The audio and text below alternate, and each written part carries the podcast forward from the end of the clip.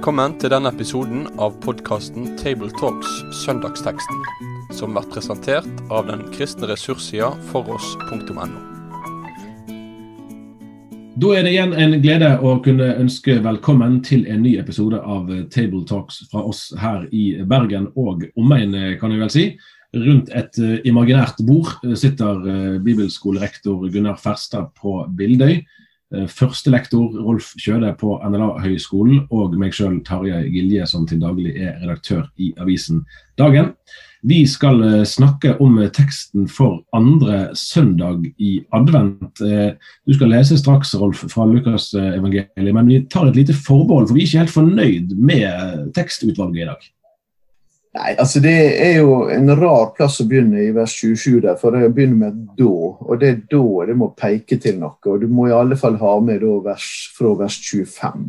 Så vi, vi, plusser på to vers som er før den offisielle norske kirkes tekstrekke begynner. Det er altså Lukas 20, 21 vers 27 til 36 som er den formelle teksten for denne dagen, men vi begynner lesingen fra vers 25. Det skal syne seg tegn i sol og måne og stjerner. Og på jorda skal folka bli gripne av redsle og rådløse i larmen fra hav og brottsjøer. Folk skal få gå av redsle og gru for det som kommer over jorda, for kreftene i himmelrommet skal bli rokka. Da skal de se menneskesønnen komme i skya med stor makt og herligdom. Men når dette tek til å hende, skal det rette dykk opp og løfte hovedet, for da skal de snart settes fri. Så fortalte han dem ei likning. Se på fikentreet og alle andre tre. Når løvet spredt, da veit de av dykk sjølve at sommeren er nær. Likeens veit de at Guds rike er nær, når de ser at dette hender. Sannelig, jeg sier dykk, denne slekta skal ikke forgå før alt dette hender. Himmel og jord skal forgå, men mine ord skal aldri forgå. Ta dykk i vare, og lat ikke hjarta dykkar bli sløva av rangel og drikk og sorgen i dagliglivet, så den dagen kjem like uventa på dykk som ei snare. For den dagen skal komme over alle som bor på jorda. Vak hver tid og stund, og be om styrke til å komme velberga fra alt det som skal hende, og bli stående framfor menneskesonen. Det er ikke mer enn et par uker siden det var domssøndag og avslutning av det forrige eh, kirkeåret. Nå er vi i, i adventstiden der rundt oss i samfunnet, vanligvis i hvert fall, da, så blir juleidyllen stadig mer eh, synlig. Eh, men det er ikke idyll som preger dagens tekst. Nesten så vi er litt tilbake til det alvoret som, som preget den siste søndagen i det forrige kirkeåret, med, med, med, altså med domsscenario og med, med Jesu forestående gjenkomst. Ja, eh, jeg, jeg, tenker at det, teksten her, den er, den er prega av det som jeg, jeg tenker, Det er dobbelthet i alt. Eller ofte når, når, vi, når vi leser om Jesu gjenkomst, er det dobbelthet. Det er på en måte både, både høst og vinter, og, og, men det er også noe sommer i, i det. Så det er, der er noen sånne spennende kontraster som ligger i teksten. Eh, både om det mørke domsbudskapet og håpet. Det, de versene som som eh, Rolf la oss ekstra nå. Det sier jo noe om det. Og så eh, er det også i, i, i, konteksten ellers så er det jo, det er jo, det er jo domsbudskap som ligger der. Men, men jeg, jeg, tenker også at vi må, vi må, ha den balansen som alltid ligger i, i tematikken rundt Jesu gjenkomst. Der er noe voldsomt, overveldende. Og samtidig er det noe svært svært håpefullt som, som blir formidla, også i denne teksten, her, selv om ikke det ligger så veldig åpenbart, kanskje. Men, men eh, det er, en sånn dobbelthet som eh, jeg tenker ligger der. Og, og, og, det er mange andre tekster i Bibelen. Jeg tenker I et sånt tema som, som gjenkomsttema, så må vi, da må vi utvide synet vårt. Og ikke bare se den ene teksten, men se den i lag med mange andre tekster som sier noe om, dette temaet, som i seg sjøl er er et utfordrende, krevende tema. Altså, vi vet vel ikke Rolf, eh, eksplisitt eh, hva som var jeg vet ikke hva som var eh, grunnen for at, at, teksten offisielt starter i vers 27. Eh, men hvis vi legger til grunn en tanke om at dette er av litt sånn pedagogiske grunner, hva, hva er det i så fall et tegn på, og hva bør det gjøre med vår lesing av teksten hvis vi ikke tåler å lese at folk skal bli grepet av, av angst og rådløshet, f.eks., som står om i vers 25? Ja, problemet med å barbere vekk slike ting fra tekstene, og hvis en gjør det gjennomgående, ta vekk sånne ting som er litt vanskelig å komme til rette med, det at da overlater du de tekstene til folk alene. Du, du, orker ikke å dra den fram i gudstjenesten, og dermed så får ikke du snakka om det i fellesskap. Så det er jo på en måte en, en pedagogikk som virker i motsatt retning eh, av det som sikkert er tenkt. Eh, så, så, Derfor er det, det er viktig å få med at det er dette som er bakgrunnen. Men nå er det jo sånn at ja, det er en djup sammenheng naturligvis med domssøndagens tekster, men samtidig så er det en altså, nær sagt De imperativene som er i denne teksten, det er jo snarere rett dere opp, løft hodet, eh, se på fikentreet. Og det med fikentreet det er jo noe som er i ferd med å springe ut i blom. Sant? Det er i ferd med å bli sommer. Eh, slik at Der ligger jo, der ligger jo noe løfte i det, midt i trengselen. og Det er jo det disse versene som vi dro inn her, den sier noe om at det, det, kommer til å stramme seg til. og Det er jo egentlig vers som snakker om den helt ytterste enden, da, når alt sammen skal få gå. Eh, men vi har et håp midt i det. Eh, og derfor kan vi rette hodet, derfor kan vi, eller rette ryggen, løfte hodet. Eh, og vi kan med fortrøstning da, se at det som skjer om våren Vi har ikke så mye fikentre i Norge, men, men, det som skjer om våren, da, når, når sevja går i, ute i treet og det begynner å springe, da vet vi at da er sommeren jeg, jeg, følger, jeg, følger, på den der fordi at eh, det er, det er jo eh, ja, som sagt flere tekster på en måte som har dette håpsaspektet eh, ved seg. Da. jeg, jeg bladde f.eks. i første Tessalonika kapittel fire så eh, det er jo sagt noe om den siste basunen her og det bydende rop og, og, sånne ting. Som, og så sier da, sier da eh, Paulus i vers 18 at vi skal trøste hverandre og sette mot i hverandre med disse ordene. Slik at Jesu gjenkomstbudskap det er et, et, et, eh, også et håps- og trøstebudskap som skal egne seg til å sette håp i oss, og sette mot i oss. Og det, og det handler jo om at vi, da skal vi alltid være sammen med Jesus. og, og, og er å si, Den som lytter nå, eh, hvis en finner trøst i det, så er det noe eh, godt som, som skjer i, i, livet og i tanken, og vi kan forkynne håp og trøst i, i, i denne tematikken her. da. Vi kan jo gjerne mene at, eh, at eh, altså, inndelingen av teksten burde vært uh, annerledes. og Det kunne være gode grunner for det. Men den er jo slett ikke uten, uten brodd, sånn som man står heller. Og, den kommer jo nettopp i som jeg nevnte i sted, sant? i adventstiden der, der i det moderne Norge sant? så er det blitt en veldig sånn lys, lys i mørketid, helt konkret.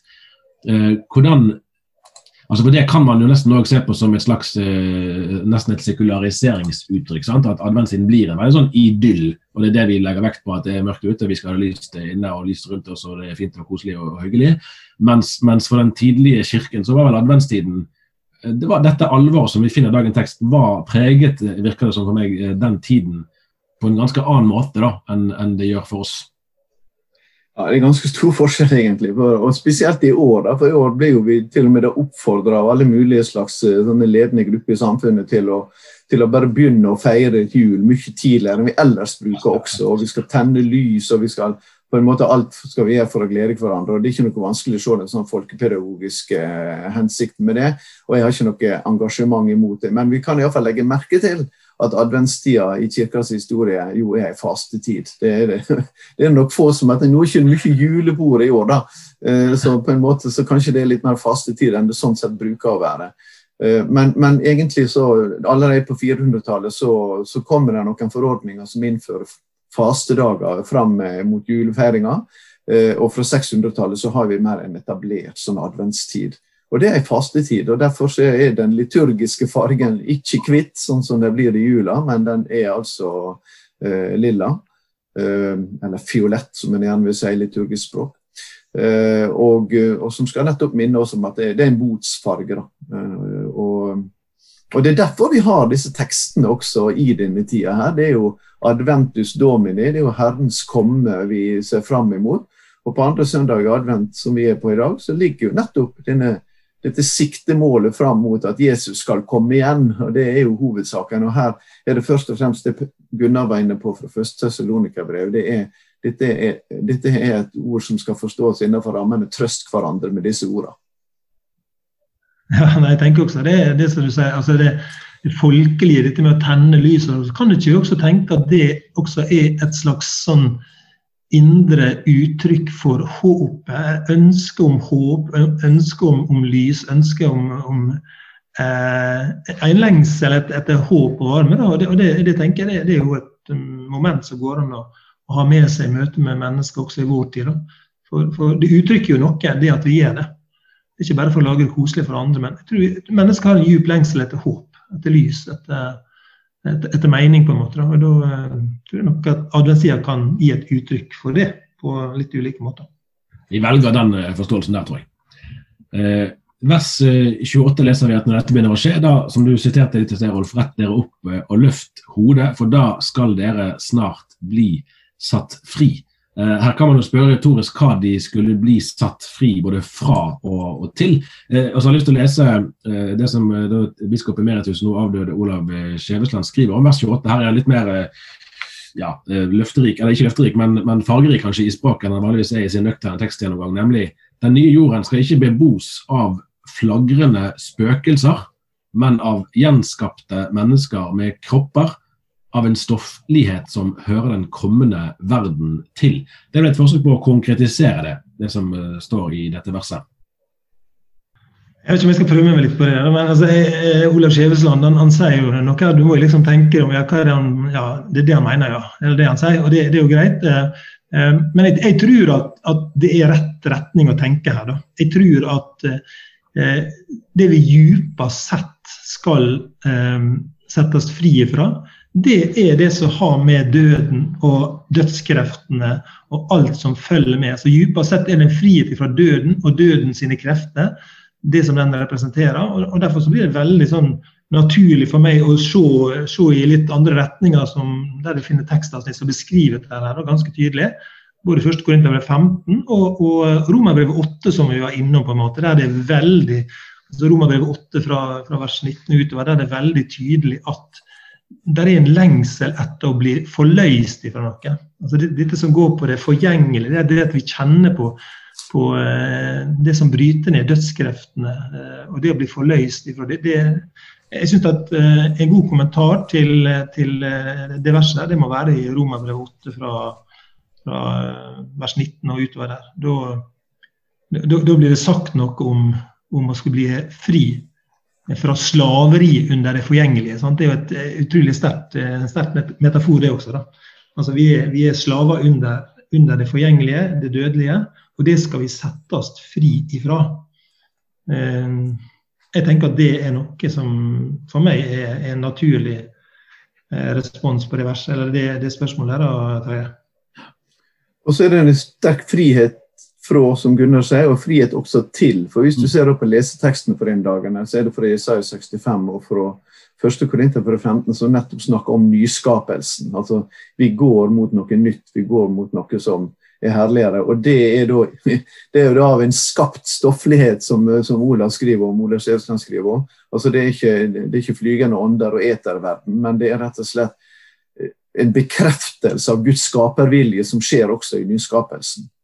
Eh, men jeg tenker at også her kommer det til nytte at vi las hele teksten, som jeg da vil kalle det, mm. når vi begynte på vers 25. fordi at her er noe annet også som vi settes fri fra. og Det er det som, det som skjer når alt strammer seg til, nemlig det som har med redsel, rådløse, redsel og gru.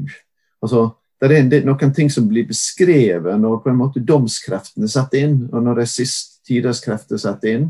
Og der har vi også et budskap som setter oss fri ifra å ta del i redselen fordi vi ser imot håpet, eh, og det sikre håpet fordi Jesus har stått opp fra de døde. Eh, så Når vi kommer til vers 29 og litt utover, så leser vi om, eh, om fikentre. Nå har vel alle vi tre vært i Israel og gjerne sett noen fikentrær, men det er vel ikke en, en, en tresort som vi ser Eh, så mye i Norge, men det er jo likevel en, en eh, forholdsvis hyppig brukt metafor i nytestamentlig sammenheng. Jeg er jo såpass gammel til sinns da, at jeg tenker på den eh, gamle sangen i Den stille, klare morgen som når dagen travlest er. Se, han kommer. Hvordan, hvordan snakker vi om dette? Og, og altså, hvordan tilgjengeliggjør vi metaforbruken eh, for bibellesere som ikke verken kan den sangen eller, eh, eller har så mye befatning med fikentrær til vanlig? Jeg tenker at um, ja, Fikentre brukes jo noen plasser. Det er jo, dette er jo, hele middelhavsområdet er full av fikentre, så vi har jo spist av dem noen av oss. og Det er ganske deilig frukt, det. Det som er, med fikentreet, det er blant de trærne Eh, som eh, mister løv i, i, i det israelske området, f.eks. Det er det ikke alle tre som er, noen er jo alltid grønne. Og Sånn sett kunne du erstatte det med ethvert tre, eh, et hvert løvtre i den norske, i den norske floraen. Og, og sagt det som når våren kommer og sevja går ut i greinene og knoppene begynner å springe og det, det blir blomstring i Hardanger, da vet vi at, da vet vi at sommeren er nær. Eh, og Det er sånn hjelp til å tolke tegnene som innføres her. Det fins noen som vil si at fikentreet må være et bilde på Israel, men det er ikke sånn klar, konsistent sak på det i Det gamle testamentet. Ja, det kan noen ganger brukes som Israel, noen ganger om andre. Men her bruker jo Jesus helt åpenbart tekstlig om de tingene som skjer. Altså Når dere ser dette skjer, eh, og de ulike endetidstegnene, så skal vi rette blikket. For da er det som at da er våren, våren er her, og, eh, og, sommeren kommer. Det er jo en av de virkelig vakre sakene i Narnia, når heksa Hvit mister grepet fordi at, eh, fordi at eh, elvene begynner å renne. Der det alltid var vi, vi, går snart til jul, men der var det alltid vinter og aldri jul. Men når Aslan nærma seg, så begynte det å smelte, og så begynte det å springe. Og det er akkurat disse tingene det snakkes om her, tror jeg. Jeg, jeg, eh, jeg, har lyst til å henge meg litt på den. fordi jeg, jeg, jeg, ser jo at denne her eh, metaforen som Jesus bruker. Han sier jo det at det er fikentreet og alle andre tre, sier han her. Så, så det, er jo, det, er jo, liksom det som kanskje er, er, er det sterkeste føringa her i, i, i, teksten. Og, og jeg, jeg syns dette som står her om sommeren er nær, jeg, henger meg litt oppi det. Altså. Jeg, jeg syns sommeren er en årstid som sånn helt ærlig, jeg lengter mer og mer etter den. Eh, desto lenger eh, jeg lever, på en måte. Eh, så, så våren og sommeren, når ting springer ut, da vet vi sjøl at det går mot sommer. Så, så det å, å, kunne bruke den eh, metaforen der, det tror jeg kunne være like ganglig som å bruke metaforen om, om fikentre, da, på en måte. Eh, det blir kanskje litt mer spesielt, selv om vi kan gjenkjenne det. Men, men, eh, men til alle dere som, som syns at høsten og vinteren er mørk og tung og en vanskelig tid, så er Jesu gjenkomst det, det, det inndeler sommertid. Eh, for alltid. Og eh, jeg syns det er litt sånn fint å kunne si at det, det, det er godt for oss her nordbuere å vite at det, er det sommer det, det går mot. Og så er det ikke bare lyse, lange netter, men, men sola skal aldri gå ned. Gud sjøl skal være lyset. Det er noen sånne løfterike altså Det dufter noe sånn godt av dette der, som jeg tenker vi må ha med oss i, i forkynnelsen om Jesu gjenkomst. Der er et domsbudskap, og der er et uh, håpfullt budskap om, om, sommer. Og det er jo rett at Jesus snakker om fiken til flere plasser også, sånn sett. men, men um, det er noe fint med sommer, da. Jeg Er ikke dere enig i det? Jeg må være enig i det, altså. Ah, deilig.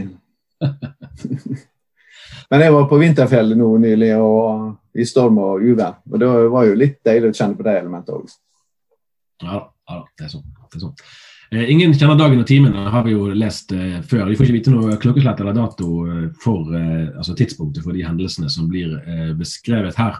Jeg synes Det er greit å bare ha, ha sagt noen ord om um, hvor altså Til og med anfektene, da, eller i hvert fall hvor ja, urovekkende eller et eller annet om i det hele tatt skal det være at vi de siste tider har vært vel noe lenger enn en man antagelig trodde til å begynne med. Altså at Jesu gjenkomst i deres perspektiv var var nærmere forestående enn det har eh, vist seg å være. Er det en, en faktor som gjør at vi i dag synes å, å ikke i hvert fall det jeg kan observere, ikke være så veldig opptatt av forventningen om Jesu gjenkomst?